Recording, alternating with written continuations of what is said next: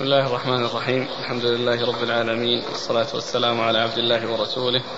نبينا محمد وعلى آله وصحبه أجمعين. أما بعد قال الإمام أبو داود السجستاني رحمه الله تعالى باب في كراهية السير في أول الليل. قال حدثنا أحمد بن أبي شعيب الحراني قال حدثنا زهير قال حدثنا أبو الزبير عن جابر رضي الله عنه أنه قال قال رسول الله صلى الله عليه وعلى آله وسلم لا ترسلوا فواشيكم إذا غابت الشمس حتى تذهب فحمة العشاء. فإن الشياطين تعيث إذا غابت الشمس حتى تذهب فحمة العشاء. قال أبو داود الفواشي ما يفشو من كل شيء. بسم الله الرحمن الرحيم. الحمد لله رب العالمين وصلى الله وسلم وبارك على عبده ورسوله نبينا محمد وعلى آله وأصحابه أجمعين.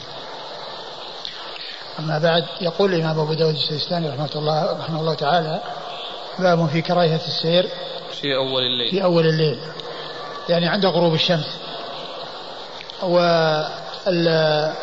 والمقصود من ذلك يعني كون الإنسان يعني آه، يبدأ لعله يريد أن الإنسان يعني يبدأ كونه يعني عند غروب الشمس يعني يبدأ السير. وأما إذا كان يسير من قبل وهو مواصل للسير فليس له أو لا يلزمه أنه يعني ينزل ويجلس حتى يذهب ذلك الوقت الذي جاء في الحديث. وإنما المقصود منه آه، كون الحديث ورد في أن أنها إذا غربت الشمس فلا ترسل الهواشي يعني وهي كل يعني ما يفشو ويظهر يعني من الدواب والبهائم وكذلك الصبيان كما جاء في ذلك الحديث عن رسول الله صلى الله عليه وسلم. فالمقصود من من هذا أن أبا داود رحمه الله أخذ يعني من عمومه أن السير أيضا يكون كذلك. وهذا فيما يبدو فيما إذا كان نازلا أو كان أراد أن يعني يمشي في ذلك الوقت أو يبدأ السير في ذلك الوقت. أما من حيث المواصلة وكل إنسان مستمر مواصل السير فلا يلزمه أنه ينزل وإنما يواصل السير. أورد أبو داود حديث جابر. جابر بن عبد الله الأنصاري رضي الله تعالى عنهما أن النبي صلى الله عليه وسلم قال لا إذا ترسلوا نعم. لا ترسلوا فواشيكم إذا غابت الشمس. لا ترسلوا فواشيكم إذا غابت الشمس حتى تذهب فحمة العشاء. الفواشي نعم حتى تذهب. نعم نعم صحيح. نعم. الفواشي كما قال أبو داود هو كل ما يفشو ويظهر يعني وينتشر ويدخل في ذلك الدواب. وكذلك الصبيان في أول الليل يعني حتى تذهب فحمة العشاء. والمراد بالفحمة يعني آه، شدة الظلام وأنه يعني يظهر الليل. ويعني آه، آه، يحصل شدة الظلام. هذا هو المقصود بالوقت الذي يترك الانتشار فيه حتى مجيء ذلك الوقت. فإن الشياطين تعيث يعني تعيث فسادا. الشياطين تعيث فسادا يعني في ذلك الوقت. فإذا ذهب ذلك الوقت فلا بأس من الانتشار وإرسال الفواشي. إذا إذا قال لا. فإن الشياطين تعيث إذا غابت الشمس حتى تذهب فحمة العشاء. نعم. وبعده ثم قال أبو داود الفواشي ما يفشو من كل نعم شيء. ثم قال أبو داود الفواشي ما يفشو من كل شيء ما يفشو يعني يظهر وينتشر ويدخل في ذلك الدواب وكذلك الصبيان. نعم. هل ممكن أن تحدد هذه الفترة ما بين المغرب إلى العشاء؟ لا. لا ما تحدد إلى العشاء وإنما تحدد قبل ذلك. قال حدثنا أحمد بن أبي شعيب الحراني. أحمد بن عبد الله بن أبي شعيب الحراني ثقة. أخرج له البخاري وأبو داود والترمذي والنسائي. البخاري وأبو داود والترمذي والنسائي. عن زهير. عن زهير بن معاوية ثقة أخرج له أصحاب الكتب الستة. عن أبي الزبير. عن أبي الزبير محمد بن مسلم بن تدرس المكي صدوق أخرج له أصحاب الكتب الستة. عن جابر, جابر بن عبد الله الأنصاري رضي الله تعالى عنه مع الصحابي الجليل وأحد السبعة المعروفين بكثرة الحديث عن النبي صلى الله عليه وسلم. وهذا هذا الإسناد من الأسانيد العالية عند أبي داود من الرباعيات التي هي أعلى الأسانيد عند أبي داود.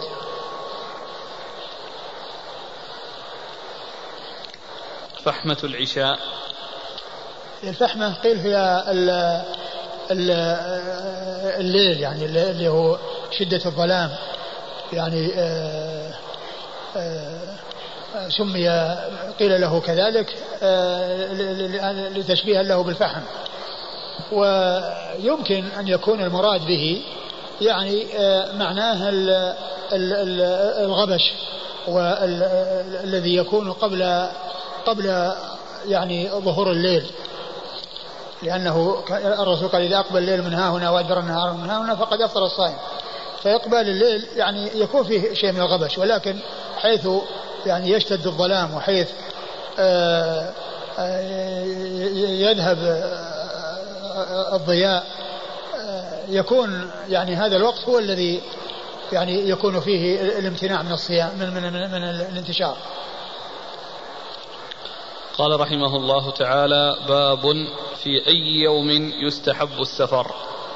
قال حدثنا سعيد بن منصور قال حدثنا عبد الله بن المبارك عن يونس بن يزيد عن الزهري عن عبد الرحمن بن كعب بن مالك عن كعب بن مالك رضي الله عنه أنه قال قلما كان رسول الله صلى الله عليه وآله وسلم يخرج في سفر إلا يوم الخميس. ثم ورد أبو داود في أي يوم يسافر؟ في أي يوم؟ يستحب السفر. يستحب السفر. في أي يوم من الأيام. في جميع الأيام يعني يكون السفر. ولكن الخميس جاء فيه أن النبي صلى الله عليه وسلم كان كثيرا ما يسافر يوم الخميس. كثيرا ما كان يسافر يوم الخميس صلى الله عليه وسلم. وقل ما كان يسافر إلا في يوم الخميس. يعني معناه أن سفره في غير الخميس يكون قليلا. وسفره في الخميس هو الكثير. وسفره في الخميس هو الكثير و والقليل هو في غير الخميس. والنبي صلى الله عليه وسلم في حجة الوداع ما سافر يوم الخميس لما ذهب للحج إلا أنه سافر يوم السبت. نعم. عن كعب بن مالك قال قلما كان رسول الله صلى الله عليه وسلم يخرج في سفر إلا يوم الخميس. نعم. قلما كان سيخرج في سفر إلا يوم الخميس يعني كثيرا كان يخرج يوم الخميس. قال حدثنا سعيد بن منصور. سعيد بن منصور ثقة أخرجه أصحاب كتب الستة.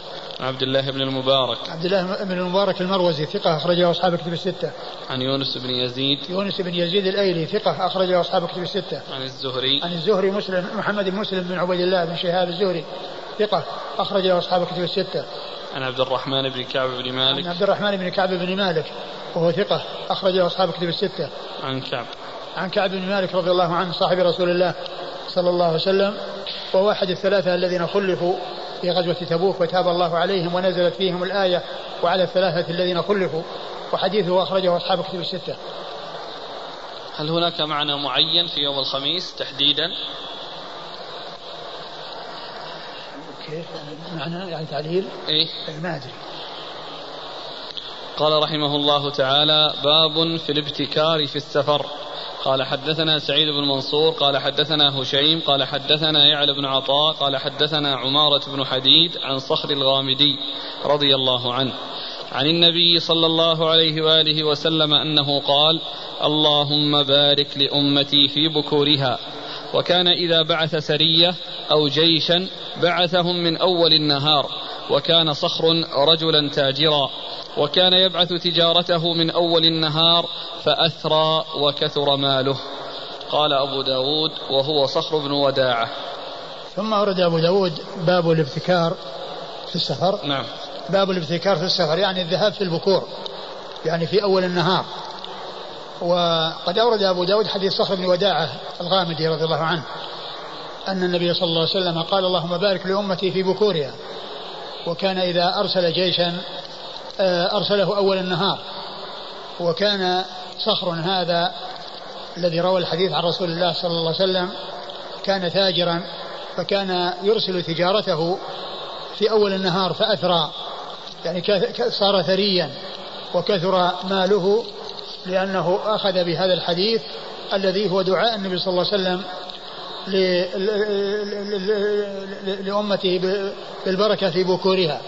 بالبركة في بكورها. نعم. قال حدثنا سعيد بن منصور. سعيد بن منصور ثقة مر ذكره. عن هشيم. هشيم بن بشير الواسطي ثقة أخرج له أصحاب الكتب الستة. عن يعلى بن عطاء. عن يعلى بن عطاء وهو ثقة. أخرج البخاري في جزء القراءة ومسلم وأصحاب السنن. البخاري في جزء القراءة ومسلم وأصحاب السنن. عن عمارة بن حديد. عن عمارة بن حديد وهو مجهول أخرج له أصحاب السنن. عن صخر الغامدي. عن صخر الغامدي رضي الله عنه وقد أخرج له أصحاب السنن. والحديث فيه هذا الرجل مجهول ولكنه جاء عن عدد من الصحابة.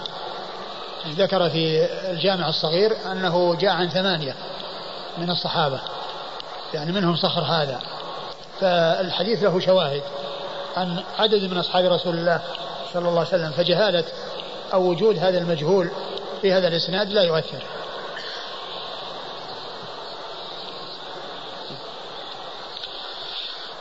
قال رحمه الله تعالى باب في الرجل يسافر وحده. قال حدثنا عبد الله بن مسلمة القعنبي عن مالك عن عبد الرحمن بن حرملة عن عمرو بن شعيب عن أبيه عن جده رضي الله عنه أنه قال قال رسول الله صلى الله عليه وآله وسلم الراكب شيطان والراكبان شيطانان والثلاثة ركب. ثم ورد أبو داود باب في الرجل يسافر وحده. الرجل يسافر وحده. يعني أن ذلك مذموم وأنه ورد فيه يعني آه، ما يدل على منعه وعلى كراهته. وذلك لأن الواحد إذا سافر وحده آه، آه، يحصل له قد يحصل له أمور قد يحصل له مرض قد يحصل له يعني هلاك فيعني لا لا يكون معه من يغسله ولا يكون معه من يحفظ متاعه لا يكون منه من معه من يوصيه ويكلفه بحمل وصية أو بإخباره بشيء يحتاج إلى الإخبار لأنه آه، سافر وحده ما عنده ما معه أحد. آه، يمكن أن يقوم بهذه المهمة. وكذلك آه، وقد أورد أبو داود حديث. عبد الله بن عمرو. حديث عبد الله بن عمرو. بن عمرو ولا عمر. عمرو. حديث عبد الله بن عمرو بن العاص رضي الله تعالى عنهما أن النبي صلى الله عليه وسلم قال الراكب شيطان نعم. والراكبان شيطان والثلاثة ركب. يعني الراكب شيطان يعني أن عمله يعني هذا عمل مذموم وأنه يعني متصف بصفة الشياطين وكذلك الراكبان كذلك لأن آه، لأن النبي صلى الله عليه وسلم قال والثلاثة ركب. يعني معناه أن هذا أقل عدد. يعني يكون فيه السفر ويكون فيه الرفقة ويكون فيه الرفقة أن يكونوا ثلاثة. و ف... وهذا فيه تنبيه على أن السفر يعني كل إنسان يسافر وحده أو يسافر اثنان مع بعض فقط أن هذا يعني مذموم. ولكن يعني آه، آه، يعني هذا يختلف باختلاف الأحوال. فقد يكون الإنسان مضطرا إلى سفر ولا يتمكن من يستطيع الصبر ولا يستطيع البقاء. ولكن كون الإنسان يحرص دائما وأبدا على أن يكون معه رفقة حتى وإن كان يعني في طرق سالكة يعني في هذا الزمان الطرق السالكة الآن يعني صار آه، ما يخشى المحذور الذي يكون فيما كان الإنسان يسافر وحده فيكون في فلات فقد يتيه وقد يحصل له ما يحصل. الآن آه، آه، هذه السكك وهذه الطرق التي تمشي فيها السيارات ولا تخرج عنها في السير إذا حصل الإنسان أي شيء يوجد من يقوم بشؤونه وما يحتاج إليه. ولكن مع هذا كله الأخذ بما جاء عن الرسول صلى الله عليه وسلم حيث أمكن وحيث تمكن الإنسان من ذلك هذا هو الذي ينبغي. ثم أن الحديث يدل على أن الجمع وأن على أن أقل عدد معتبر شرعا في السفر هو ثلاثة. يعني ثلاثة فأكثر. وهذا كما جاء في هذا الحديث. وإلا فإن الجمع يعني يكون اثنين. الجماعة في الصلاة اثنان. أقل الجماعة اثنان إمام ومأموم يعني ما هو لازم أن يكون ثلاثة؟ ما تكون الجماعة إلا بثلاثة بل تكون باثنين. فالجمع أو في, في, في, في الصلاة الجماعة تحصل باثنين. وكذلك في الفرائض الجمع يكون اثنين. فإن كان له إخوة فلأم السدس أقل الإخوة اثنان ما هو ثلاثة. لأن حصول اثنين يعني يكون بهما العدد المعتبر ويكون جمعا. وفي وفي آه، النحو أقل الجمع ثلاثة يعني في مفرد ومثنى وجمع. وفي السفر كما جاء في هذا الحديث أقل الجمع المعتبر الذي جاءت به السنة هو ثلاثة. وصفه شيطان. يعني معناه أنه يعني من عمل الشياطين ويعني فيه آه، صفة الشيطان الذي يعني آه، آه، لا يتقيد بدين ولا يتقيد يعني بشيء يعني يلتزمه. قال حدثنا عبد الله بن مسلمة القعنبي. القعنبي عبد الله بن مسلمة القعنبي ثقة أخرجه أصحاب كتب الستة إلا, إلا من ماجه. عن مالك. عن مالك بن أنس إمام دار الهجرة المحدث الفقيه. أحد أصحاب المذاهب الأربعة المشهورة من مذاهب أهل السنة وحديثه أخرجه أصحاب كتب الستة. عن عبد الرحمن بن حرملة عن عبد الرحمن بن حرملة وهو صدوق ربما أخطأ أخرجه مسلم وأصحاب السنة. صدوق ربما أخطأ أخرجه مسلم وأصحاب السنة. عن عمرو بن شعيب عن عمرو بن شعيب آه ابن محمد ابن عبد الله بن عمرو بن العاص وهو صدوق أخرجه البخاري في جزء القراءة واصحاب السنن. عن أبيه. عن أبيه وهو شعيب بن محمد وهو صديق أخرجه البخاري في الأدب المفرد وجزء القراءة وأصحاب السنن. عن عن عن عن عبد الله بن عمرو بن العاص رضي الله تعالى عنهما الصحابي الجليل وأحد العبادلة الأربعة من الصحابة وهم عبد الله بن عمرو وعبد الله بن عمر وعبد الله بن عباس وعبد الله بن الزبير. وحديثه أخرجه أصحاب كتب الستة. قال رحمه الله تعالى باب في القوم يسافرون يؤمرون أحدهم. قال حدثنا علي بن بحر بن بري قال حدثنا حاتم بن إسماعيل قال حدثنا محمد بن عجلان عن نافع عن أبي سلمة عن أبي سعيد أبي سعيد الخدري رضي الله عنه أن رسول الله صلى الله عليه وآله وسلم قال إذا خرج ثلاثة في سفر فليؤمروا أحدهم. ثم ورد أبو داود رحمه الله باب الثلاثة. في القوم يسافرون. باب في القوم يسافرون يؤمرون أحدهم, أحدهم. يعني يجعلون واحدا منهم أميرا عليهم. وهذه الإمارة المقصود منها الرجوع إليه. الرجوع إليه يعني عند ال ال عندما كان الإنسان يريد أن يذهب إلى جهة أو يريد أن يتخلف أو يريد أن يستأذن في شيء حتى يكون يكون بعضهم على علم من بعض. ما يكون كل, كل واحد منهم يركب رأسه فيذهب كيف يشاء ولا يعرف عنه أصحابه شيئا وإنما يكون هناك مرجع لهم يرجعون إليه بحيث يعني يستشيرونه في النزول ويرجعون إليه في النزول إذا أرادوا أن ينزلوا وإذا أرادوا أن يركبوا ويرتحلوا. وإذا كان الواحد منهم أراد أن آه، يذهب لحاجة من الحاجات أو لغرض من الأغراض يستأذنه حتى يكون على علم.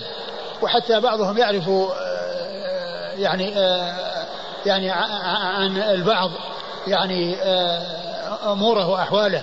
ما يكون ان كل واحد منهم أمير نفسه ثم يكونون مع بعض رفقة فلا يدري يعني اثنان منهم إلا وقد ذهب الثالث ولا يدرون إلى أين ذهب. لا يعرفون المذهب الذي ذهب إليه. فإذا كان هناك أمير يرجعون إليه يقول للأمير أنا أريد أن أفعل كذا وكذا أستأذنك في كذا وكذا. هذه هذه الإمارة وهذه مهمتها. ليست مهمتها انه أنه يجلد ويضرب وأنه يعني يصير آه، والي وحاكم ووالي وإنما مهمته ان ان ان يكون هؤلاء المسافرون آه، يعني آه، يتشاورون ويرجع بعضهم إلى بعض ويستأذن المأمور الأمير يعني في آه، في انخناسه إذا أراد أن ينخس ويتأخر أو إذا أراد يتقدم يعني لأهله يسبقهم بيوم ويومين أو ما إلى ذلك هذه هذا هو مقصود الإمارة. فهي يعني إمارة المقصود منها أن يعرفوا مرجعهم أن يعرفوا مرجعهم لا أن هذه ولاية يعني يترتب عليها أحكام يعني إقامة حدود وجلد وما إلى ذلك ليس ليس هذا من شأنه وليست هذه من مهمته.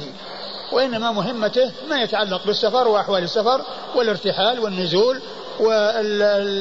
والشخص يتأخر يعني يستأذن الأمير ويقول أنا سأذهب إلى كذا وكذا حتى يكون يكون على علم.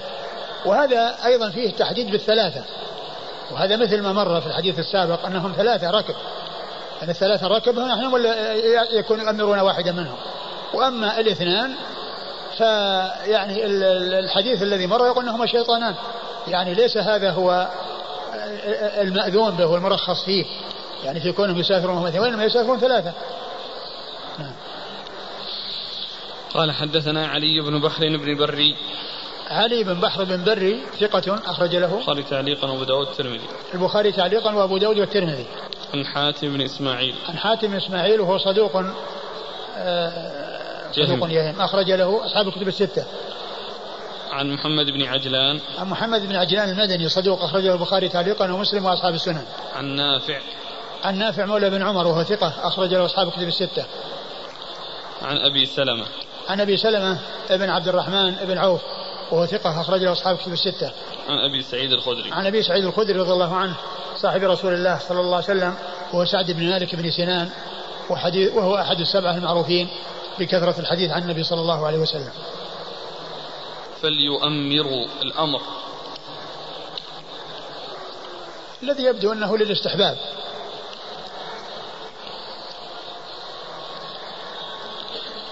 قول الخطابي وفيه دليل على أن الرجلين إذا حكما رجلا بينهما في قضية فقضى بالحق فقد نفذ حكمه.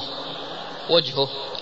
يعني وجهه كأنه لما كان هذا أمير وهذا اثنين يرجعون إليه يعني ويعني يستجيبون له يعني فيما يأمرهم به فيما يتعلق بالسفر فيكون مثل ذلك. آه، آه، اثنان اختار واحدا أهلا للحكم وأهلا للقضاء يختصمان إليه في مسألة من المسائل فإنه ينفذ الحكم. إذا كان من أهل من أهل القضاء ومن أهل الاجتهاد. يعني من جهة الاثنين يرجعون إلى الثالث اللي هو أميرهم. هذا وجهه قال حدثنا علي بن بحر قال حدثنا حاتم بن إسماعيل قال حدثنا محمد بن عجلان عن نافع عن أبي سلمة عن أبي هريرة رضي الله عنه أن رسول الله صلى الله عليه وآله وسلم قال: إذا كان ثلاثة في سفر فليؤمروا أحدهم. قال نافع: فقلنا لأبي سلمة فأنت أميرنا. ثم أورد أبو داود هذا الحديث حديث أبي هريرة عن نافع عن أبي سلمة بن عبد الرحمن عن أبي هريرة وقد يعني روى لهم الحديث أبو سلمة. ف وهو مثل حديث ابن عمر حديث ابن أبي سعيد المتقدم. فقالوا لهم لأبي سلمة أنت أميرون. يعني أنت الذي حدثت بالحديث وأتيت بهذه السنة ورويت هذه السنة عن أبي هريرة عن رسول الله صلى الله عليه وسلم أنت الأمير. نعم. علي بن بحر عن حاتم بن إسماعيل عن محمد بن عجلان عن نافع عن أبي سلمة عن أبي هريرة. كل الإسناد مر إلا أبو هريرة وهو عبد الرحمن بن صخر الدوسي صاحب رسول الله صلى الله عليه وسلم وأكثر أصحابه حديثا على الإطلاق. هذا الأمير تجب طاعته فإذا عصي يأثم العاصي.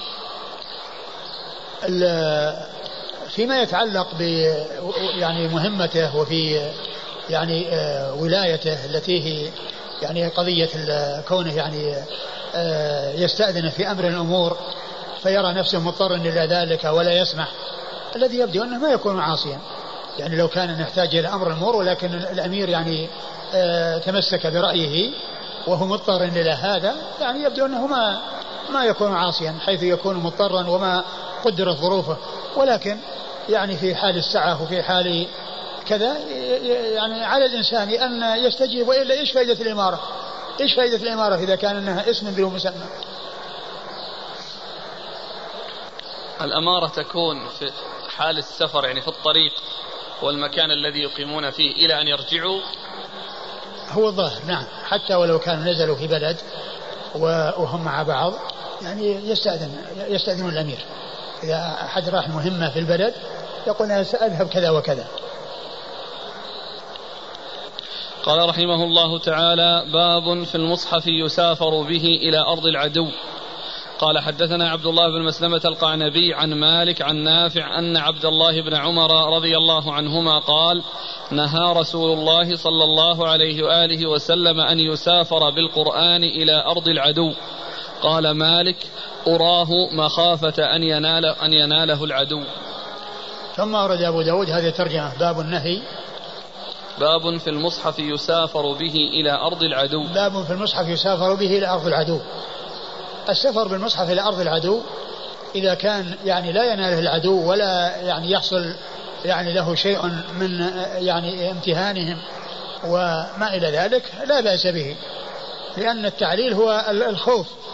يعني أن ينالوه وأن يحصل منهم يعني شيء يعني لا يليق في حق القرآن.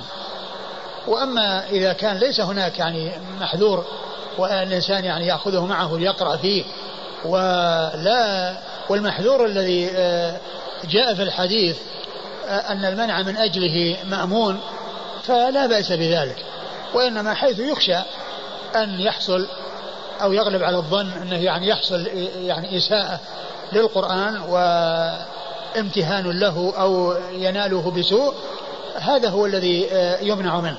أورد أبو داود حديث ابن عمر نعم. رضي الله تعالى عنهما قال نهى الرسول صلى الله عليه وسلم أن يسافر بالقرآن. إلى أرض العدو. نهى أن يسافر بالقرآن إلى أرض العدو. قال مالك أراه مخافة أن يناله بسوء. يناله بسوء. يناله العدو. يناله العدو. ويعني هذا الذي قاله مالك يعني قال أخشى قد جاء في في الحديث في بعض الروايات يعني من كلام رسول الله صلى الله عليه وسلم. يعني كونه يعني خشية أن يناله العدو قد جاء في بعض الأحاديث عن رسول الله صلى الله عليه وسلم فهو ثابت يعني هذا التعليل وإذا فهذا هو الحكم يعني يدور مع علته يعني إن وجد هذا فلا يسافر به وإن لم يوجد المخافة عليه فإنه لا بأس بالسفر به. قال حدثنا عبد الله بن مسلمة القعنبي عن مالك عن نافع عن ابن عمر. آه هنا قال المصحف يعني الترجمة قال المصحف والرسول صلى الله عليه وسلم قال القرآن. وذلك أن المصحف إنما وجد في زمن عثمان رضي الله عنه لأنه جمع ويعني القرآن وصار في مصحف فصار يعني يعبرون عنه بالمصحف والتراجم يأتون في المصحف وإلا الحديث جاء بالقرآن. يعني لا يسافر بالقرآن إلى أرض العدو لأن المصحف إنما وجد في زمن عثمان. قبل قبل ذلك ما كان في مصحف. وقبل زمن أبي بكر ما كان مجموعا ولكنه جمع جمعتين جمع في عهد أبي بكر وهي جمعه في صحف وجمع كل شيء يعني يتعلق بالقرآن يعني الأحرف السبعة يعني كل ما يتعلق به جمع. وفي زمن عثمان رضي الله عنه جمع الناس في على مصحف واحد وأحرق ما سوى ذلك حتى لا يختلفوا وكان على حرف واحد. على لغة واحدة ولم يكن على الأحرف السبعة التي نزل بها القرآن لأن القرآن نزل أولا أول ما نزل نزل على سبعة أحرف للتخفيف والتسهيل على الناس لأن العرب كانوا متفرقين وكان يعني وكانوا متنابذين وكان كل لا يعرف لغة الآخرين. ولما جاء الإسلام وجمع بينهم ووحد بينهم واختلطوا وجمع بينهم الإسلام صار كل يعرف لغة الآخرين. فعند ذلك لم يكن هناك حاجة إلى الاستمرار. فرأى عثمان رضي الله عنه والصحابة أقروه على ذلك أن يجمع الناس على حرف واحد. أن يجمع الناس على حرف واحد. وهذا الحرف الواحد الذي هو لغة واحدة يشمل القراءات لأن الأحرف غير القراءات. القراءات غير الأحرف. لأن الأحرف لغات والقراءات هي إما نقط أو شكل أو يعني زيادة حرف. مثل يعملون وتعملون ومثل عجبت وعجبت بل عجبت ويسخرون بل عجبت ويسخرون يعني في الشكل. وقد يكون بزيادة حرف مثل الكتاب والكتب كما في قول الله عز وجل ومريم ابنة عمران التي أحصنت فرجها فنفخنا فيه روحنا وصدقت بكلمات ربها وكتبه. قراءة حفص عن عاصم القراءة المشهورة بين أيدينا هي كتبه وقراءة جمهور القراء كتابه. قراءة جمهور القراء كتابه. فصار القراءتان موجودتان ورسم المصحف يتحمل القراءات. ولهذا رسم المصحف له هيئة خاصة لا يجوز أن يحول ويترك إلى الحروف الإملائية التي اعتادها الناس لأن رسمه يستوعب القراءات. وصالحا لاستيعابها مثل كتابه رسمها ما تكون الألف واقفة بعد الباء وإنما تكون الباء متصلة التاء متصلة بالباء وعند قراءة كتابه تكون الكاف مكسورة والتاء مفتوحة وفي ألف قصيرة فوقها إشارة إلى المد. والباء يعني مكسورة وعلى قراءة كتبه الكاف مضمومة والتاء مضمومة والباء مكسورة والرسم يستوعب قراءته. لكن لو جاءت كتابه. والألف واقفة ما يستوعب كتبه ولا تستوعب قراءة كتبه. فجاء الرسم مستوعب القراءات وإذا فالأحرف غير القراءات. وابن القيم رحمه الله له في كتاب إعلام الموقعين آه، آه، كلام في مسألة سد الذرائع. أورد فيه تسعة وتسعين دليلا من أدلة سد الذرائع. ختمها بالدليل التاسع والتسعين وهو جمع عثمان رضي الله عنه القرآن على حرف واحد. جمع عثمان رضي الله عنه القرآن على حرف واحد يعني سدا لذريعة الاختلاف بين الناس. سدا لذريعة الاختلاف بين الناس. فإذا كلمة المصحف هذه تأتي في التراجم والأبواب لأن هذا هو الأمر الذي استقر عليه. هذا الأمر الذي استقر عليه. مثل ما جاء في الحديث يعني حديث ما بين بيتي ومنبري روضة من رياض الجنة. هذا هو الحديث الثابت الذي يعني في الصحيحين وفي غيرهما. وما فيه يعني ما بين قبري ومنبري. ولكن يعني في التراجم يعني لما صار الأمر يعني آه، آه، الواقع هو هذا البخاري قال فضل ما بين القبر والمنبر. ترجم ترجمة فضل ما بين القبر والمنبر. وأتى بحديث ما بين بيتي ومنبري روضة من رياض الجنة. فإذا الشيء يعني بعد وجوده يعني كانوا يأتون به ويذكرونه الشيء بعدما وجد. وأما قبل أن يوجد فإنه لا يعرف وإنما يأتي باسم القرآن ويأتي باسم البيت. أن يسافر بالقرآن إلى أرض العدو ما قال يسافر بالمصحف لأن المصحف ما وجد. وكذلك أيضا يعني ما بين بيتي ومنبري هذا قول الرسول صلى الله عليه وسلم. ولكن الترجمة باب ما فضل ما بين القبر والمنبر. نعم. عبد الله المسلم القعنبي عن مالك عن نافع عن ابن عمر. مر ذكرهم جميعا. إلا عبد الله بن عمر وهو عبد الله بن عمر بن الخطاب رضي الله تعالى عنهما الصحابي الجليل أحد العبادلة الأربعة من الصحابة وأحد السبعة المعروفين بكثرة الحديث عن النبي صلى الله عليه وسلم. أخونا يقول بأن الشيخ الألباني رحمه الله صحح حديثا في المجلد الخامس من السلسلة الصحيحة من سره أن ينظر الله إليه فليقرأ في المصحف. الذي يبدو والله أعلم من هذا يمكن الرواية بالمعنى.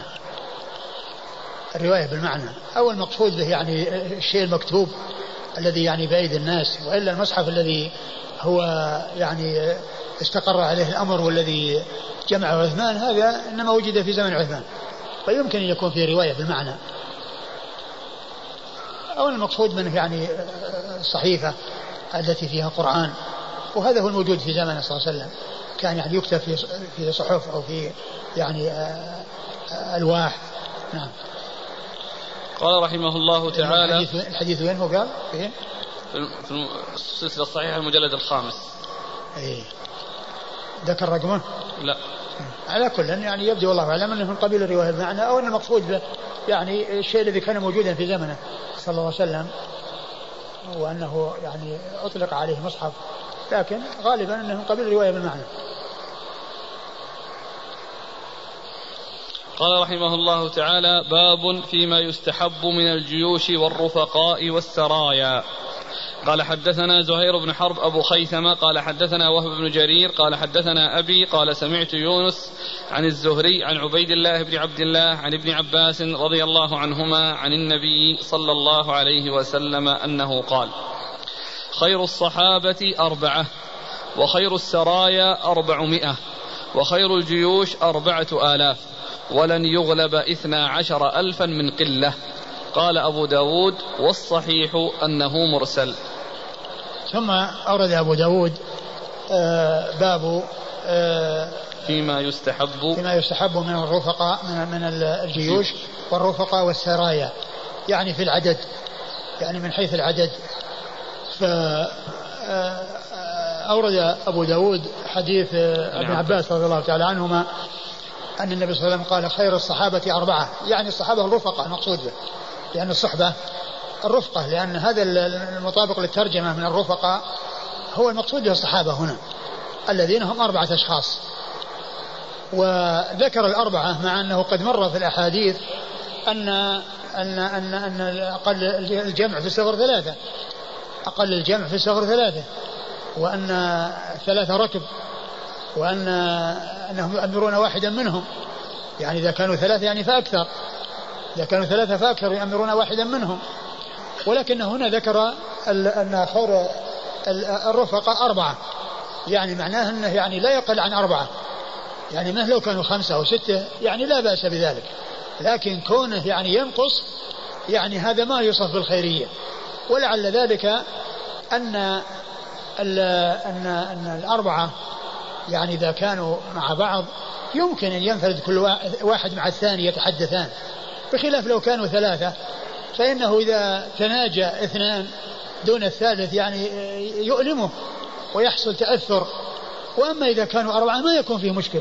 يمكن هذا اثنين يتحدثان مع بعض واثنين يتحدثان مع بعض. لكن إذا كانوا ثلاثة لازم يتحدثون كلهم مع بعض.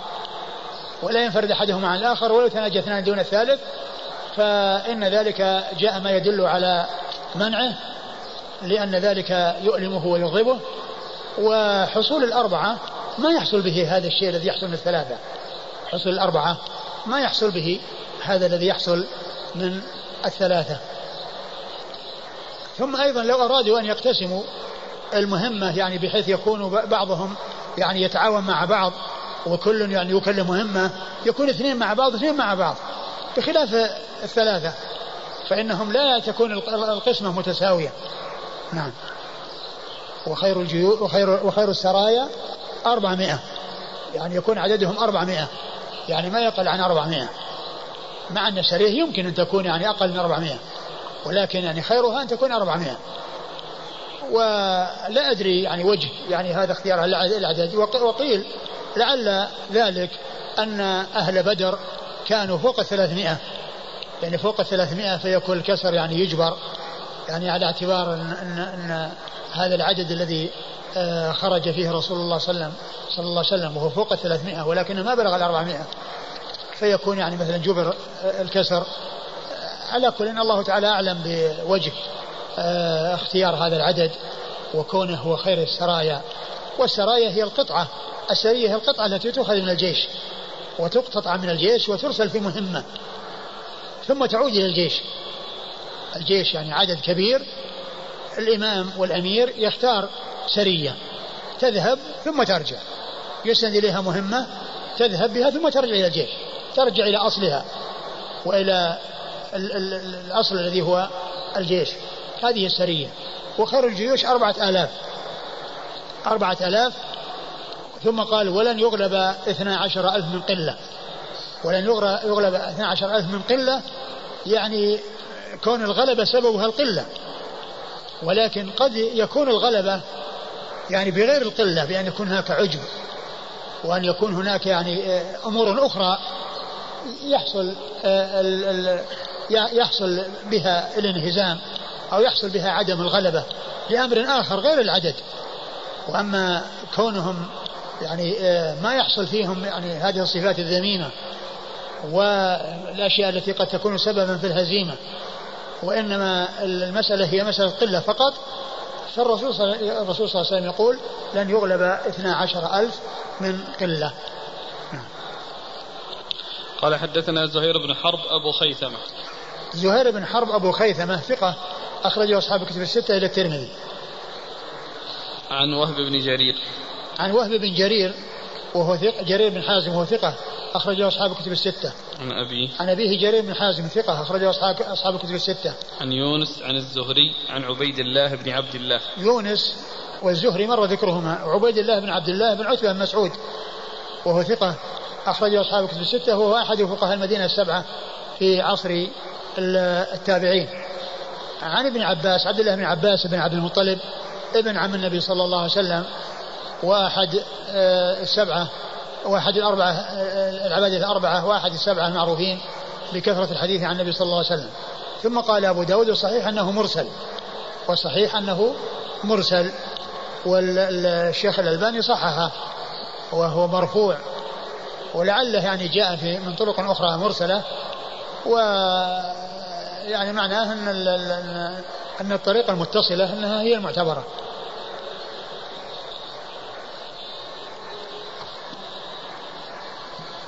قال رحمه الله تعالى باب في دعاء المشركين.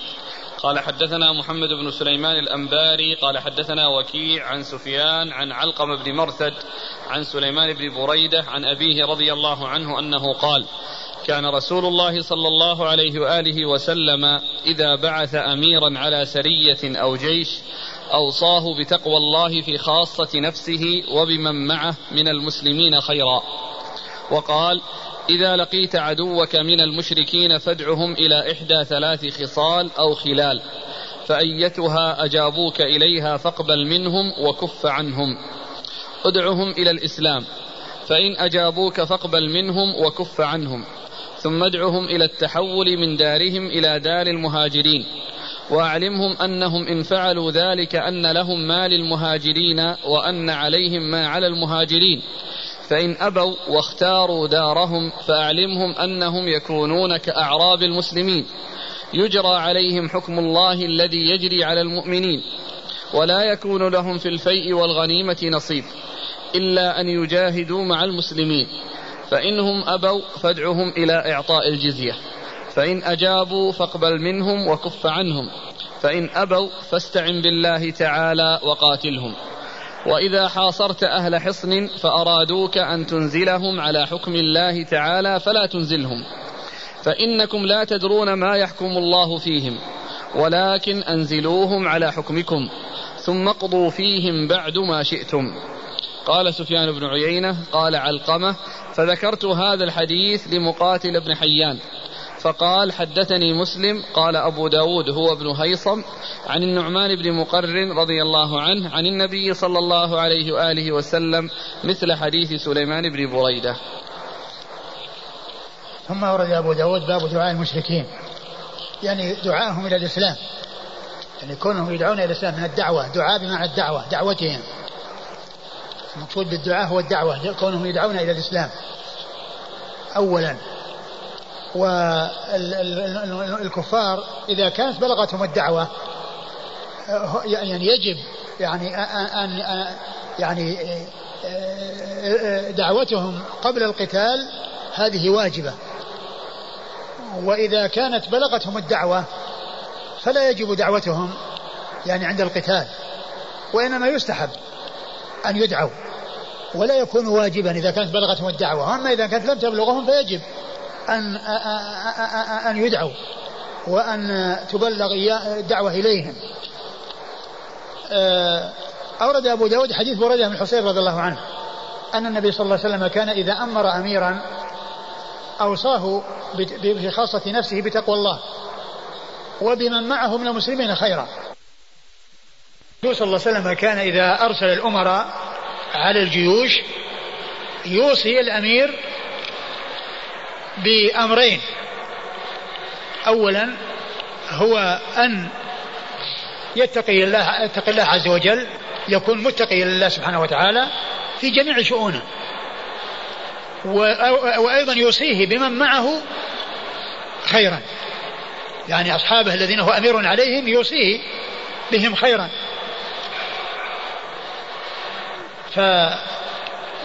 وهذا فيه يعني بيان ما يتعلق بصلة الإنسان بربه وصلته بغيره وهو يشبه ما جاء في حديث آه، الحديث آه، حديث معاذ الذي قال فيه اتق الله حيثما كنت وأتبع السيئة الحسنة تمحوها وخالق الناس بخلق حسن.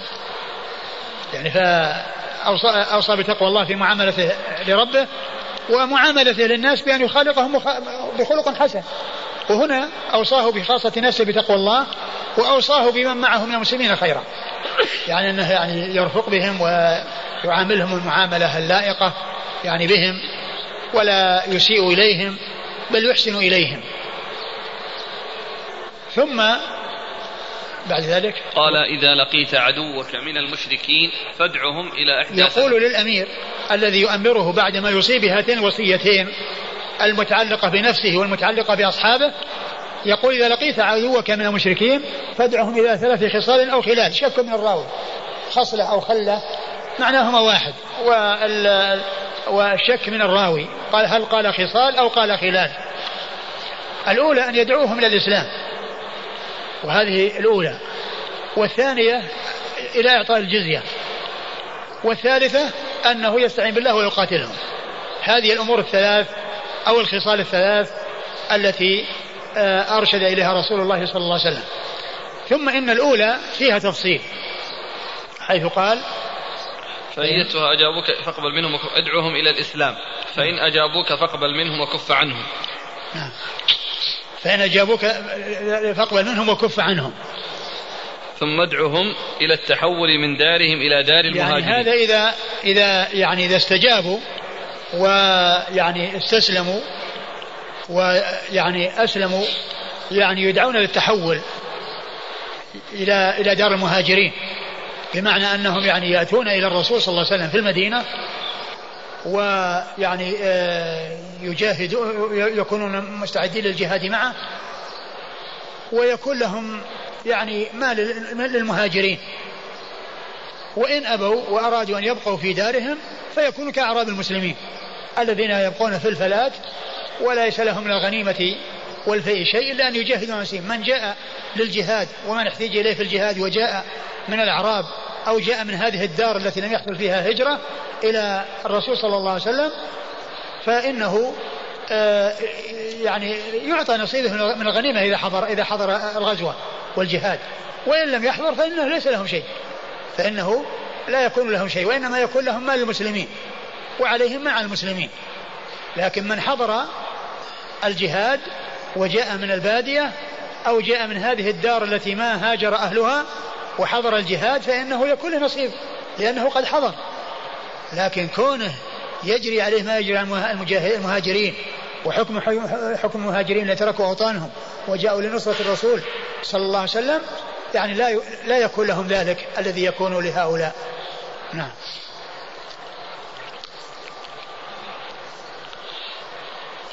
ثم ادعهم إلى التحول إلى دار إلى دار من دارهم إلى دار المهاجرين وأعلمهم أنهم إن فعلوا ذلك أن لهم ما للمهاجرين وأن عليهم ما على المهاجرين. يعني لهم ما للمهاجرين من الحقوق وعليهم ما على المهاجرين من الواجبات. فإن أبوا واختاروا دارهم فأعلمهم أنهم يكونون كأعراب المسلمين يجرى عليهم حكم الله الذي يجري على المؤمنين ولا يكون لهم في الفيء والغنيمة نصيب إلا أن يجاهدوا مع المسلمين. يعني إذا أرادوا أن يبقوا في دارهم والأمر ما يعني هناك ضرورة تدعو إلى هجرتهم ومجيئهم فإنهم يكونون كالأعراب الذي يكون في في في فلاتهم وفي برهم في البر وفي مواشيهم ودوابهم يعني يقومون برعايتها وب متابعتها فيكون كهؤلاء. تجري عليهم أحكام الإسلام ولكن يعني ليس لهم في الغنيمة والفي شيء إلا أن يجاهد. يعني من حضر منهم من الأعراب أو من هؤلاء الذين في الدار التي فتحت ودخل أهلها في الإسلام ولكنهم لم يتحولوا إلى المهاجرين من حضر منهم الغزوة يكون له نصيب من منها من الغنائم لحضوره إياها ومشاركته. لكن ما يقال أن حكم حكم المهاجرين الذين تركوا بلادهم وصاروا في مدينة الرسول صلى الله عليه وسلم مع الرسول عليه الصلاة والسلام ينصرونه ويؤيدونه وتحت إمرته وتحت توجيهه صلوات الله وسلامه وبركاته عليه. نعم. فإنهم أبوا فادعهم إلى إعطاء الجزية. فإنهم أبوا يعني أبوا أن يسلموا وأن يدخلوا في الإسلام لأن الكلام اللي راح مع أناس دخلوا في الإسلام يتحولوا إلى دار المهاجرين أو يبقوا يعني في دارهم ولكنهم كغيرهم من المسلمين. تجري عليهم أحكام الإسلام ولكن ليس لهم في الغنيمة والفيء شيء لأنهم ما شاركوا في الجهاد في سبيل الله. ومن شارك منهم بأن جاء من من من من, من باديته أو جاء من داره ثم رجع إليها حصل ما حصل في الغزوة التي شهدها من نصيبه من الغنيمة. نعم. فادعهم إلى إعطاء الجزية. فادعهم إلى إعطاء الجزية يعني يعطي أن يعطي الجزية. يعني حيث يعني بقوا على كفرهم ولكن المسلمون استولوا عليهم استولوا عليهم فإنهم يعطون الجزية. لأن إعطاء الجزية يعني معناه يكون تحت ولاية المسلمين. ف يكون خاضعا لحكم حكم المسلمين وهم باقون على ما هم عليه لكن يعطي الجزية. فوجودهم بين المسلمين وتحت حكم المسلمين يكون ذلك من أسباب من أسباب دخولهم في الإسلام.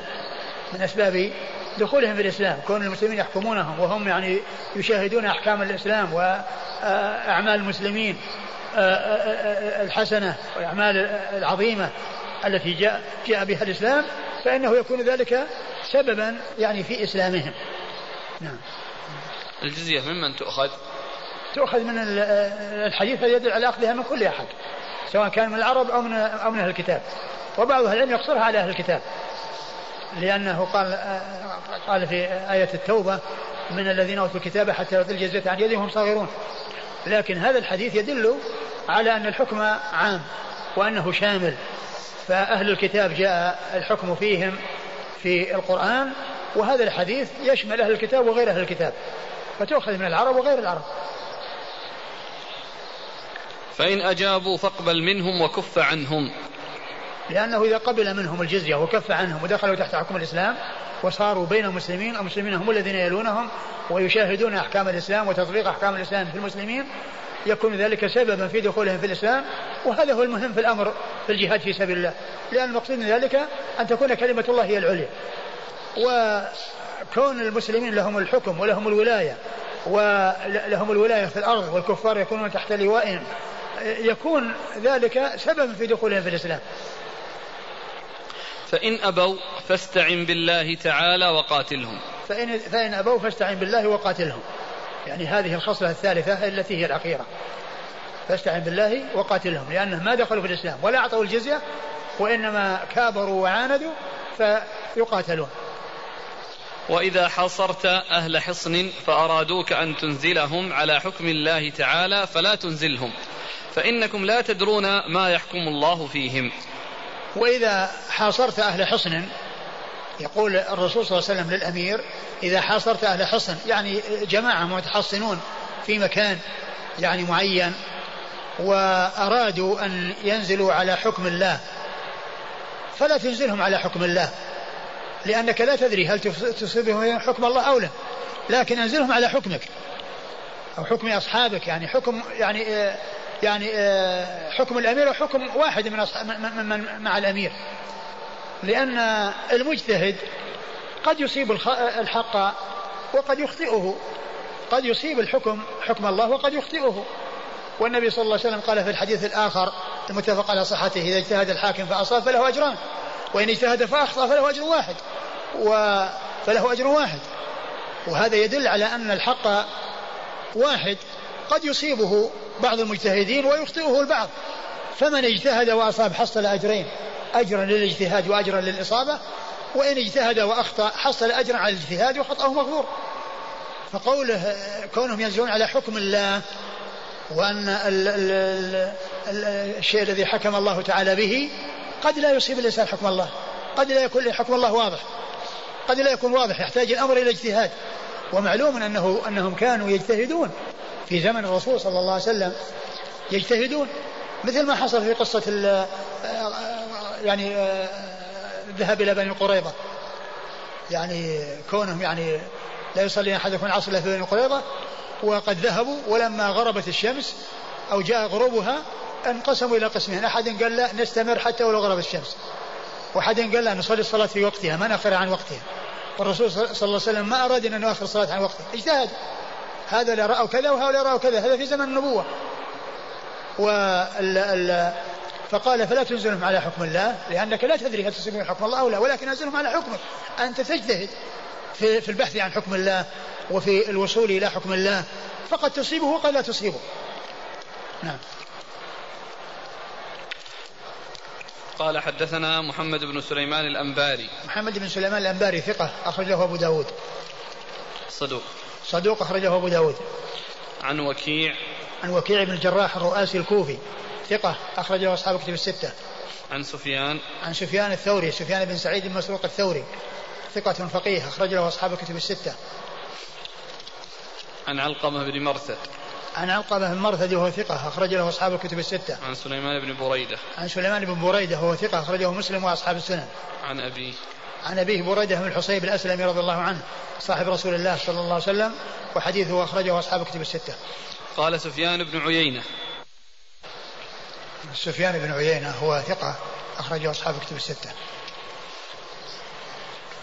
قال قال سفيان بن عيينة قال علقمة فذكرت هذا الحديث لمقاتل بن حيان مقاتل بن حيان صدوق أخرج له. مسلم وأصحاب السنة. مسلم وأصحاب السنة. فقال حدثني مسلم قال أبو داود هو ابن هيصم قال حدثني مسلم وهو بن هيصم وهو مقبول. مقبول أخرج له. مسلم وأبو داود والنسائي بن ماجه. مسلم وأبو داود والنسائي بن ماجه. عن النعمان بن مقرن عن النعمان بن مقرن رضي الله عنه وحديثه أخرجه أصحاب كتب الستة. عن النبي صلى الله عليه وسلم مثل حديث سليمان بن بريدة. عن النبي صلى الله عليه وسلم مثل حديث سليمان بن بريدة المتقدم. هذا الطويل. قال حدثنا أبو صالح الأنطاكي نستمر. نعم. قال حدثنا أبو صالح الأنطاكي محبوب بن موسى قال أخبرنا أبو إسحاق الفزاري عن سفيان عن علقمة بن مرثد عن سليمان بن بريدة عن أبيه أن النبي صلى الله عليه وآله وسلم قال أغزوا بسم الله وفي سبيل الله وقاتلوا من كفر بالله. أغزوا ولا تغدروا ولا تغلوا ولا تمثلوا ولا تقتلوا وليدا. ثم رد أبو داود حديث بريدة بن الحصيب وهو يعني آه، في وصية الرسول صلى الله عليه وسلم للجيوش التي كان يرسلها قال اغزوا بسم الله اغزوا بسم الله. يعني مستعينين بالله معتمدين على الله. نعم. اغزوا بسم الله وفي سبيل الله. نعم نعم. اغزوا يعني يكون الغزو في سبيل الله وذلك لإعلاء كلمة الله سبحانه وتعالى. وقاتلوا من كفر بالله اغزوا ولا تغدروا. اغزوا ولا تغدروا. يعني الغدر هو إخلاء إخلاء يعني إخلاء الغدر بالعهد الذي كونهم يعاهدون ثم يغدرون في عهدهم. فهم يفون بالعهود لغيرهم إذا عاهدوهم. نعم. ولا تغلوا. ولا تغلوا يعني أخذ من الغنيمة. أخذ يعني أخذ شيء من الغنيمة وهو, وهو خيانة. الأخذ من الغنيمة بغير حق. ولا تمثلوا. ولا تمثلوا يعني إذا قتلتم أحدا لا تمثلوا به. تقطعوا أنفه أو تقطعوا يعني آه شيئا منه فيكون مشوها وإنما اقتلوه بدون تمثيل. نعم. ولا تقتلوا وليدا. ولا تقتلوا وليدا يعني صغيرا. الصغير الذي ليس من أهل القتال لا تقتلوه. ولكنه إذا كان من أهل القتال فإنه يقتل لمقاتلته. قال حدثنا أبو صالح الأنطاكي محبوب بن موسى. أبو صالح الأنطاكي محبوب بن موسى هو؟ صدوق خرج أبو داود النسائي صدوق خرج أبو داود النسائي عن أبي إسحاق الفزاري. أبي إسحاق الفزاري هو إبراهيم بن محمد بن الحارث ثقة أخرجه أصحاب كتب الستة. عن سفيان عن علقمة بن مرثد عن سليمان بن بريدة عن أبيه. وقد مر ذكرهم جميعا في الإسناد الذي قبل هذا. قال حدثنا عثمان بن أبي شيبة قال حدثنا يحيى بن آدم وعبيد الله بن موسى عن حسن بن صالح. عن خالد بن الفزر قال حدثني أنس بن مالك رضي الله عنه أن رسول الله صلى الله عليه وآله وسلم قال انطلقوا بسم الله وبالله وعلى ملة رسول الله. ولا تقتلوا شيخا فانيا ولا طفلا ولا صغيرا ولا امرأة ولا تغلوا. وضموا غنائمكم وأصلحوا. وأحسنوا إن الله يحب المحسنين. ثم ورد أبو داود حديث أنس بن مالك رضي الله عنه. قال قال صلى الله عليه وسلم انطلقوا بسم الله وبالله. انطلقوا يعني الذين يغزون يخرجون للجهاد في سبيل الله. قال انطلقوا بسم الله وبالله. يعني بسم الله وبالله يعني معتمدين على الله متوكلين على الله مستعينين بالله. وعلى ملة رسول الله. وعلى ملة رسول الله يعني على سنته وعلى طريقته ومنهجه ودينه. ولا تقتلوا شيخا فانيا ولا تقتلوا شيخا ثانيا يعني ليس من أهل القتال. اللهم إلا أن يكون ذا رأي وذا خبرة في الحرب وأنهم يستفيدون منه. وإن كان يعني كبيرا فإنه يقتل للتخلص من شره. نعم. ولا طفلا ولا صغيرا. ولا طفلا ولا صغيرا. الطفل في بعض الروايات طفلا صغيرا. ويمكن أن يكون الطفل يعني معناه الصغير جدا. كالرضيع أو الذي حوله والصغير هو الذي لم يبلغ الحلم. ولكن الحكم كما مر أن الوليد من يعني يكون الذي لا يقتل هو الذي لا يقاتل. أما من يكون من المقاتلة وهو لم يبلغ فإنه يقتل لقتاله. نعم. ولا امرأة. ولا امرأة كذلك لا تقتل إلا أن تقاتل. لا تقتل المرأة إلا أن تكون من المقاتلة فإنها تقتل. ولا تغلوا وضموا غنائمكم. ولا تغلوا وضموا غنائمكم يعني اجمعوها. وضموا بعضها إلى بعض يعني ولا يعني إلا آه، آه، آه، يكون هناك يعني شيء في الأخذ منها من غير حق. وأصلحوا. نعم. وأصلحوا أموركم وشؤونكم. وأحسنوا إن الله يحب المحسنين. وأحسنوا إن الله يحب المحسنين. وهذه هذه الجملة الأخيرة وهذه آية وهذا اللي يسمونه في علم البلاغة الاقتباس وهو أن يأتي الكلام ثم يؤتى بآية أو جزء من آية أو بحديث دون أن يقال فيه قال الله أو قال رسوله صلى الله عليه وسلم. هذا اسمه في علم البلاغة الاقتباس. يؤتى بشيء من كلام الله أو كلام رسوله صلى الله عليه وسلم متصلا بالكلام بدون آه، إضافته إلى الله وإلى الرسول صلى الله عليه وسلم. فلا يقال قال الله كذا ولا قال رسوله صلى الله عليه وسلم كذا. والحديث يعني ضعيف فيه شخص اللي هو خالد, خالد بن الفزر. خالد بن الفزر. نعم. قال حدثنا عثمان بن أبي شيبة. ولكن يعني كثير منه له شواهد. يعني مثل آه، آه، الغلول ومثل يعني غيره يعني موجود يعني في الأحاديث الأخرى الثابتة. نعم. عثمان بن أبي شيبة عثمان بن أبي شيبة ثقة أخرجه البخاري أصحاب الكتب الستة إلى الترمذي والى النسائي فقد أخرج له في عمل اليوم والليله. عن يحيى بن آدم. عن يحيى بن آدم الكوفي ثقة أخرجه أصحاب الكتب الستة. وعبيد الله بن موسى. وعبيد الله بن موسى ثقة أخرجه أصحاب الكتب الستة. عن الحسن بن صالح. عن الحسن بن صالح بن حي وهو صدوق. ثقة. وهو ثقة أخرجه مسلم وأصحاب السنة. البخاري في الأدب المفرد. البخاري في الأدب المفرد ومسلم وأصحاب السنة. عن خالد بن الفزر. عن خالد بن الفزر وهو مقبول أخرج له. أبو داود. أخرجه أبو داود وحده. عن أنس بن مالك. عن أنس بن مالك رضي الله عنه صاحب رسول الله صلى الله عليه وسلم وأحد السبعة المعروفين بكثرة الحديث عن النبي صلى الله, صلى الله عليه وسلم. قال الإمام أبو داود السجستاني رحمه الله تعالى باب في الحرق في بلاد العدو. قال حدثنا قتيبة بن سعيد قال حدثنا الليث عن نافع عن ابن عمر رضي الله عنهما أن رسول الله صلى الله عليه وآله وسلم حرق نخل بني النضير وقطع وهي البويرة فأنزل الله عز وجل ما قطعتم من لينة أو تركتموها. يقول الإمام أبو داود السيستاني رحمه الله تعالى باب في الحرق في بلاد العدو. العدو.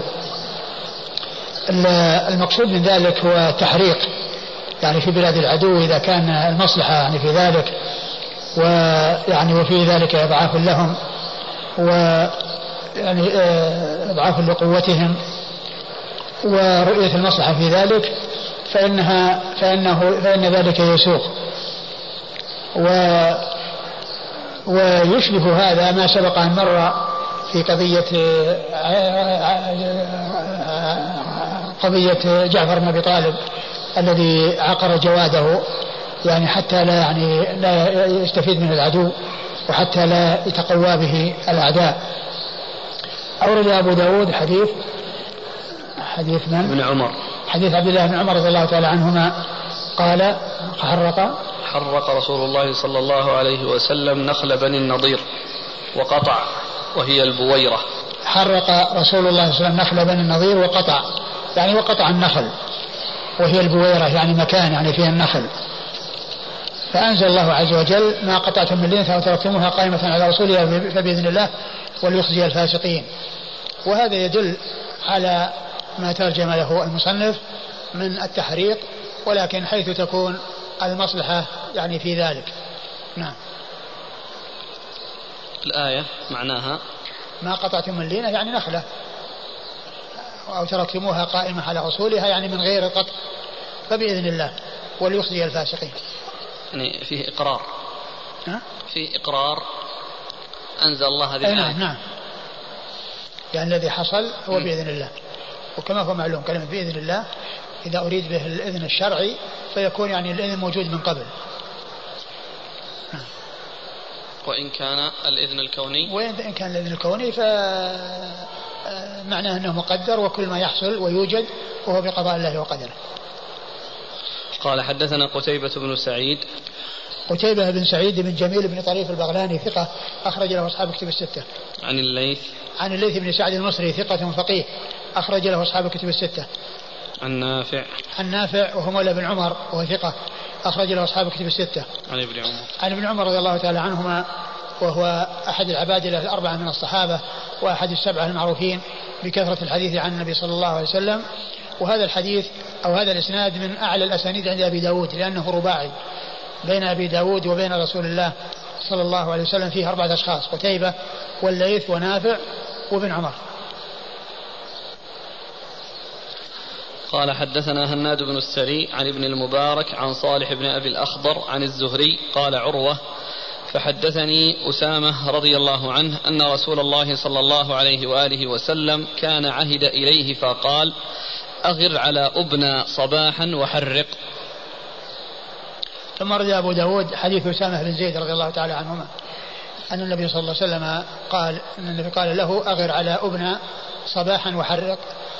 والمقصود منه قوله حرق. أغر على أبنى صباحا وحرق. المقصود من ذلك قوله وحرق وأبنى هو موضع يعني في الشام في فلسطين. يقال له أبنى ويقال له يبنى. يعني آه، قيل إنه أطلق عليه فيما بعد يبنى. فهو آه، قيل له هذا ثم قيل له هذا. أي أبنى بالألف بالهمزة. ثم قيل له يبنى يعني ياء بدل الهمزة. ياء بدل الهمزة. وهذا فيه وهذا فيه قضية التحريق وفيه الإغارة أنها تكون في الصباح. نعم. قال حدثنا هناد بن السري. هناد بن السري أبو السري. ثقة أخرجه البخاري في خلق أفعال العباد ومسلم وأصحاب السنن. عن ابن المبارك. عن ابن المبارك عبد الله بن المبارك المروزي. ثقة أخرج له أصحاب الكتب الستة. عن صالح بن أبي الأخضر. عن صالح بن أبي الأخضر وهو مقبول. ضعيف يعتبر به. وهو ضعيف يعتبر به.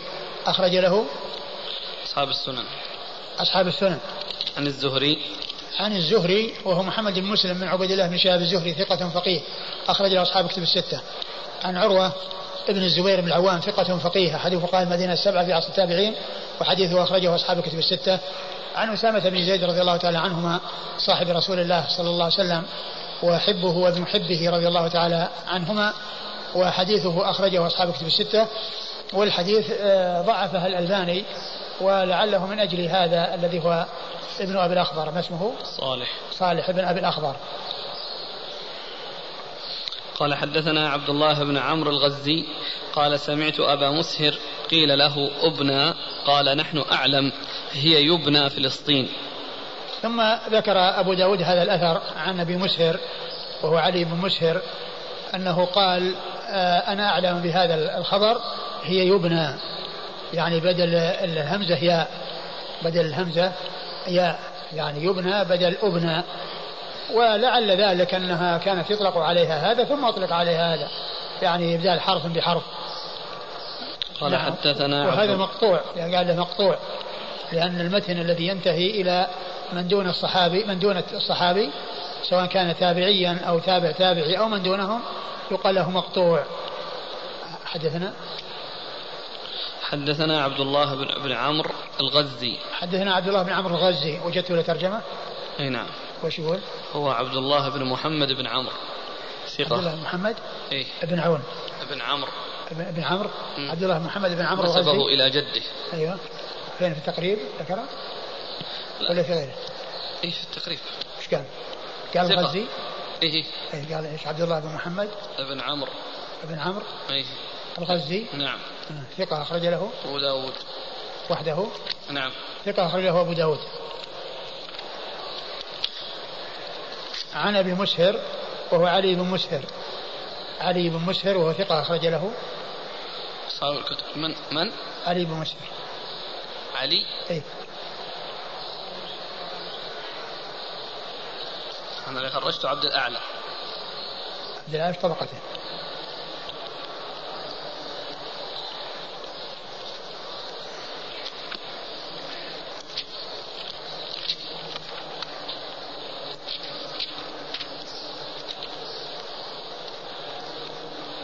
كبار العاشر. من كبار العاشرة. ذكر وفاته متى؟ مات سنة ثمانية عشرة وله ثمان وسبعون. إيه يمكن يمكن أن يكون هو. إذا كان من كبار العاشرة. أنا ما عرفت الغزي إلا في ترجمة هذا. ترجمة هذا؟ إيه. لا هو فيه علي بن مسهر متقدم من الطبقة الثامنة. فأنا قلت يعني أنا الغزي ما وقفت على ترجمته. لا في, في ما وقفت على ترجمته. لكن علي بن مسهر هو في طبقة متقدمة. يعني يروي له أبو داود بواسطة. وهنا يعني إذا كان أنه من, أنه من كبار العاشرة وما سنة 18 يمكن يروي عنه. وأنت وجدته يروي عن عبد عبد الأعلى بن مسهر. يعني في, في عبد الأعلى بن مسهر يروي عنه من تلاميذه عبد الله بن محمد بن عمرو إذا هو إذا هو عبد الأعلى بن مسهر أبو مسهر ثقة أخرج له أصحاب الكتب. نعم. ثقة أخرج له أصحاب الكتب الستة. لأن هذا الغزي من الحادي عشرة إيه. لا هم دائما من كبار العشرة يروي له أبو داود بواسطة.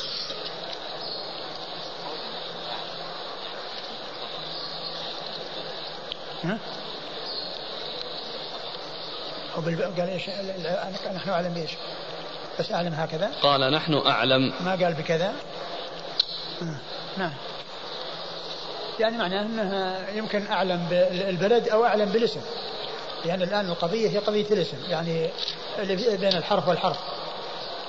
يعني الكلام على الاسم الذي هو آه، كونه بالياء. وهو يعني آه، أقول هو جاء بالهمزة وجاء بالياء فقوله أن يبنى لعله اسم تحور إلى أن أبدل حرف بحرف. لأنه دمشقي ها؟ دمشقي من؟ ابن الأعلى هو دمشقي؟ إي إي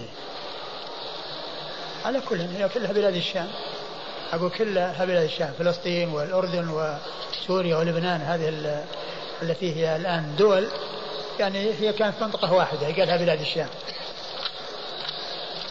لا بس رجال رجال الحديث السابق. إيه وش؟ هناد بن السري. قصدي يعني القرب من هذه البلدة أو الرحلة إليها. هناد بن السري أبو السري مو كوفي؟ طيب. وعبد بن المبارك. المبارك مروزي. وصالح بن أبي الأخضر. ما أدري. ما أدري اليمامي نزل البصرة. اليمامة نزل البصرة. نزل البصرة أيوه. والزهري. والزهري آه، مدني. المدينة نعم. وعروة واسامه إيه كلهم. بينما هناك إيه نعم. أبو مسهر. إيه. قصدي يعني دمشق نعم. آه. شامي مم. شامي والغزي شامي والغزي شامي أقول يمكن يكون المقصود إنه من حيث من حيث التسمية بس يعني من ناحية أبنى ويبنى.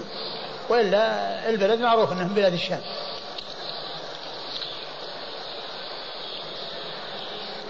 نعم. قال رحمه الله تعالى باب في بعث العيون. قال حدثنا هارون بن عبد الله قال حدثنا هاشم بن القاسم قال حدثنا سليمان يعني بن المغيرة عن ثابت عن أنس رضي الله عنه أنه قال بعث يعني النبي صلى الله عليه وآله وسلم بسيسة عينا ينظر ما صنعت عير أبي سفيان. ثم ورد أبو داود باب في بعث العيون والمقصود بالعيون الجواسيس الذين يعني يذهبون ليأخذوا الخبر يعني من عن الأعداء. يعني عينا قيل للجاسوس عينا لأنه آه لأنه يعني يذهب يعني ويرى الأشياء بعينه فيخبر عن الشيء الذي رآه وشاهده الذي رآه وشاهده. فالرسول صلى الله عليه وسلم كان يبعث. يعني يعني من يأتي بالخبر ومن يتعرف على أخبار العدو. حتى يكون على علم باستعدادهم وعلى يعني آه، ما عندهم من, من استعداد وما عندهم من عدد وما عندهم من عدد. فهذا هو المقصود من الترجمة أنه أن أن العيون تبعث من أجل الإتيان بالأخبار حتى يبنى على هذا الذي يأتي به العين يعني استعداد أكثر أو احتياطات أو عمل احتياطات لازمة من جهة اتجاه معين أو إقدام أو إحجام وما إلى ذلك. أورد أبو داود حديث أنس. حديث أنس بن مالك رضي الله عنه أن النبي صلى الله عليه وسلم بعث أبو سيسة. نعم عينا ينظر ما صنعت عير أبي سفيان. بعث أبو سيسة عينا ينظر ماذا صنعت عير أبي سفيان. يعني يأتي بخبر هذه العير. بها خبر هذه العير التي كان عليها أبو سفيان. فهذا يدل على بعث العيون وبعث الجواسيس للاتيان بأخبار الأعداء والتعرف على ما عند الأعداء من قوة ومن استعداد. ثم هذا من الأشياء التي يستدل بها على سفر الواحد يعني للحاجة وأنه يعني آه، وقد جاء في أحاديث ما يدل على منع. كل يسافر وحده قال وقد مر بنا الحديث الذي فيه الراكب شيطان والراكبان شيطانان والثلاثة ركب ولكن إذا حصل هناك أمر يقتضيه يمكن أن يسافر الشخص وحده كما كان يرسل يعني العيون ويرسل الواحد يعني للقيام بهذه المهمة. نعم. قال حدثنا هارون بن عبد الله. هارون بن عبد الله الحمال البغدادي ثقة أخرج له مسلم وأصحاب السنن عن هاشم بن القاسم. عن هاشم بن القاسم وهو ثقة أخرج له. أصحاب الكتب. أخرجه أصحاب الكتب الستة. عن سليمان يعني بن المغيرة. سليمان يعني بن المغيرة ثقة أخرجه أصحاب الكتب الستة. عن ثابت. عن ثابت بن أسلم البناني ثقة أخرج له أصحاب الكتب الستة. عن أنس. عن أنس بن مالك رضي الله عنه صاحب رسول الله صلى الله عليه وسلم وخادمه وأحد السبعة المعروفين بكثرة الحديث عن النبي صلى الله عليه وسلم. قال رحمه الله تعالى: باب في ابن السبيل يأكل من التمر ويشرب من اللبن إذا مر به. قال حدثنا عياش بن الوليد الرقام قال حدثنا عبد الأعلى قال حدثنا سعيد عن قتادة عن الحسن عن سمرة بن جندب رضي الله عنه أن نبي الله صلى الله عليه وآله وسلم قال إذا أتى أحدكم على ماشية فإن كان فيها صاحبها فليستأذنه. فإن أذن له فليحتلب وليشرب فإن لم يكن فيها فليصوت ثلاثا فإن أجابه فليستأذنه وإلا فليحتلب وليشرب ولا يحمل. ثم ورد أبو داود باب في ابن السبيل يحلب. يأكل من التمر. يأكل من التمر ويحلب. ويشرب من اللبن. ويشرب من اللبن. إذا مر به. إذا مر به يعني إذا مر بالتمر وإذا مر بالمواشي التي فيها لبن. ابن السبيل يعني ذكره هنا يعني في كتاب الجهاد مثل ما ذكر الأحاديث أو الأبواب التي سبق أن تقدمت في آداب المسافر في آداب المسافر. يعني ماذا يقول عند الركوب وماذا يقول يعني ال ال يعني الأحكام التي هي آداب مر بنا جملة وهذا منها لأن ابن السبيل هو يعني يكون مسافر. ويعني آه، تنتهي نفقته ولا يكون معه نفقة ويكون بحاجة إلى أن يأكل أو يشرب. فأورد أبو داود يعني هذا الباب في كتاب الجهاد لكونه من جملة المسافرين الذين قد يحتاجون إلى أن يمروا بماشية يحتاج إلى شرب شيء من لبنها أو إلى ثمر يحتاج إلى أكل شيء منه. آه والمأذون في ذلك أنه آه يستأذن صاحب المحل إذا وجده وإن لم يجده فإنه يأخذ آه آه، يأكل دون أن يحمل. يعني لا يتزود يعني شيء يحمله معه وإنما يقضي حاجته في أكله فقط يأكل ويمشي. أما كونه يجل ويأخذ يعني شيء يقتاته في سفره فهذا لا يجوز وإنما المقصود هو عند الحاجة. أورد أبو داود حديث سمرة بن جندب. سمرة بن جندب رضي الله عنه قال قال صلى الله عليه وسلم إذا أتى أحدكم على ماشية فإن كان فيها صاحبها فليستأذنه إذا, إذا أتى أحدكم على ماشية فإن كان فيها صاحبها فليستأذنه يعني يطلب منه أن آه، يسقيه من ألبان هذه الماشية وإن لم يكن موجودا فلينادي ثلاثا. فإن أجابه استأذنه وإلا شرب ولم يحمل شيئا. يعني معناه ينادي يصوت لأن قد يكون يعني هذا الشخص يعني آه، في مكان يعني مختفي يعني ما يراه ما وراء شجرة أو يعني بين بعض الغنم إذا كانت الغنم متفرقة ومجتمع بعضها مع بعض قد يكون مضطجعا بين بعضها.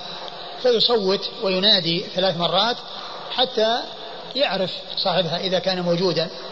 معها فيستأذنه وإن لم يوجد أحدا وهو بحاجة فإنه يشرب ولكن لا يحمل معه شيئا لا يتخذ معه شيئا يحمله بمعنى أنه يحلب ويعني في سقاء يشرب ويحمل في سقاء ليس له أن يأخذ شيئا في السقاء ولكنه يشرب في يقضي حاجته من الشرب دون أن يتزود معه بشيء.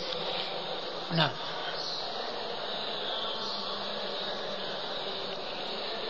هذا يعني خاص بالمسافر. أما في الحضر ما يفعل هذا. نعم هو خاص بالمسافر. وكذلك لو أنه يعني جاء إلى إلى بستان يعني إنسان جاء في الحضر ووجد له بستان يعني صاحبه فيه واستأذن أو ما وجد فيه ولكنه دخل وأكل وخرج ورد ما يدل على ذلك. حتى لو كان في الحضر يعني في أطراف البلد. هنا. قال حدثنا عياش بن وليد الرقام. عياش بن الوليد الرقام هو ثقة أخرجه البخاري وأبو داود النسائي ثقة أخرجه البخاري وأبو داود النسائي عن عبد الأعلى. عن عبد الأعلى ابن عبد الأعلى البصري ثقة أخرج له أصحاب الكتب الستة. عن سعيد. عن قتادة نعم. عن سعيد هو بن أبي عروبة هو ثقة أخرج له أصحاب الكتب الستة. عن الحسن. عن, عن قتادة نعم. هو بن دعامة السدوسي البصري ثقة أخرج له أصحاب الكتب الستة. عن الحسن. عن الحسن بن أبي الحسن البصري وهو ثقة أخرج أصحاب الكتب الستة. عن سمرة بن جندب رضي الله تعالى عنه وحديثه أخرجه أصحاب الكتب الستة. والحديث من رواية الحسن عن سمرة ومعروف الكلام الذي في رواية الحسن عن سمرة. في من العلماء من قال إنها تقبل مطلقا ومنهم من قال لا تقبل مطلقا ومنهم من قال يقبل حديثه في العقيقة ولا يقبل غيره. ولكن غيره إذا جاء له شواهد فإنه يعتبر به يعني ويقبل لشواهده. والألباني صحح الحديث ولعل ذلك لوجود الشواهد.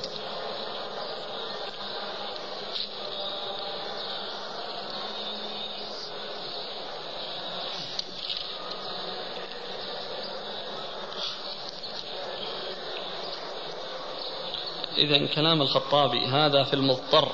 الذي لا يجد طعاما وهو يخاف على نفسه التلف. والله الذي يبدو أن الأمر أوسع من هذا. أوسع من هذا. المضطر يعني كما هو معلوم يعني يأكل أقول له يأكل ميتة. له أن يأكل ميتة. ولكن الكلام الذي هو بحاجة ولا لم يكن مضطرا. يعني أوسع من الاضطرار فإن منعه صاحبها. إن منعه صاحبها وهو ليس بمضطر يعني وهو ليس بمضطر المضطر يعني كما هو معلوم آه، ما في للموت أمامه.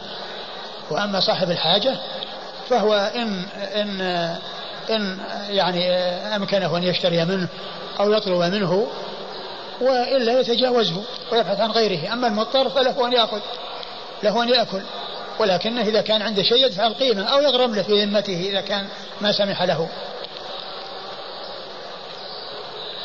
يقول أخونا ذكر له الألباني رحمه الله شاهدا في الإرواء.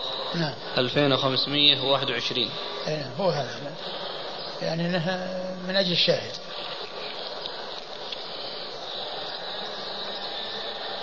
قلتم فلا يحمل. والأسئلة إيه. جاءت يقول إن كان يعرف أنه في الطريق ينقطع ولا يجد شيء فهل يحتاط؟ والله هو في الأصل يعني أصلا من أصل السفر يعني لا يسافر. أقول من أصل السفر لا يمشي يعني من الأصل. لكنه سافر وانقطع وذهبت نفقته في الطريق. على كل إن كانها سرقت نفقته إن كانها سرقت نفقته وكانت النفقة موجودة معه ويعلم أن المسافة يعني طويلة بينه وبين يعني ذاك فهو إن إن يعني هذا يعني يأخذه بقيمته. يعني يعتبره يعني يعني شيء يعني واجب في ذمته لهذا الشخص لصاحب هذا البستان.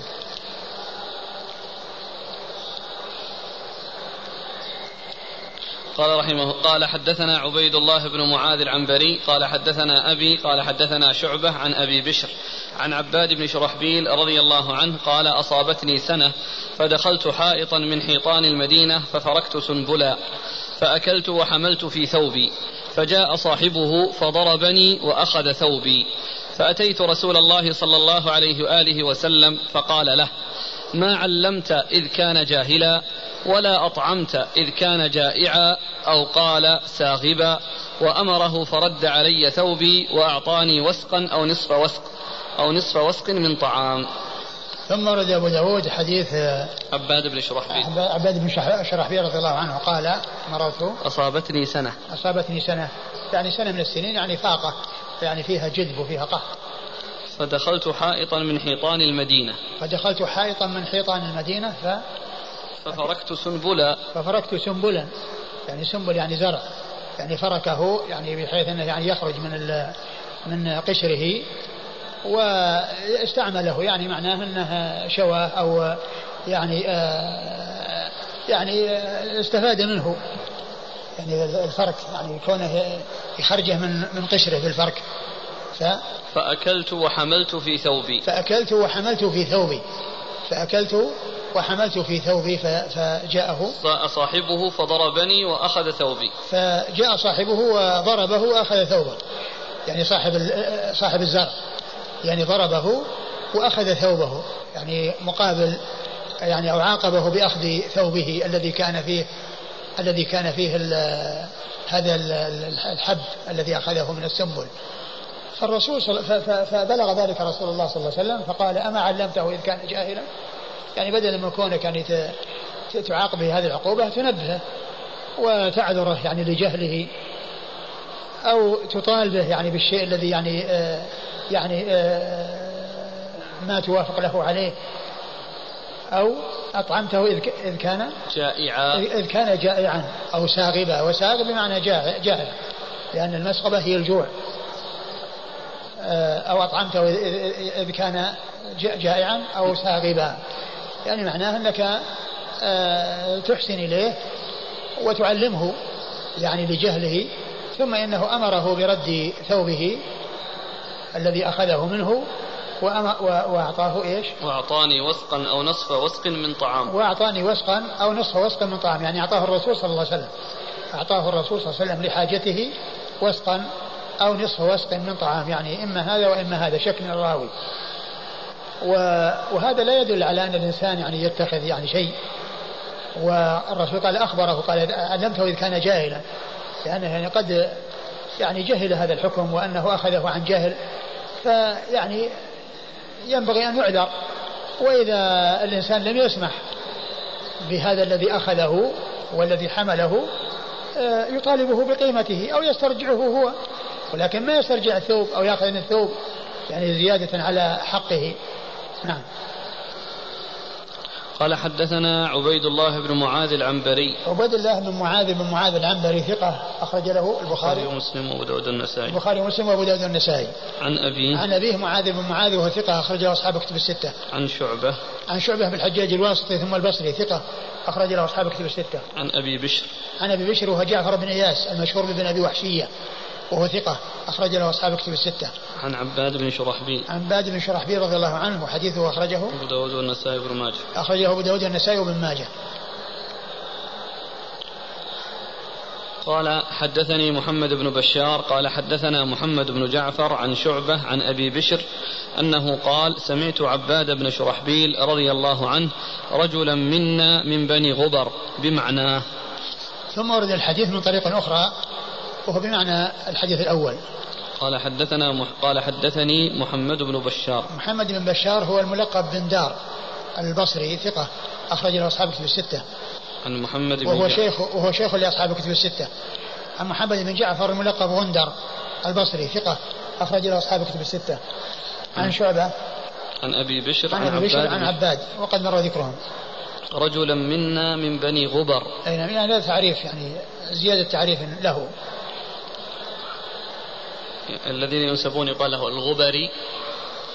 غبر ينسب إليه غبري غبر ينسب إليها غبري.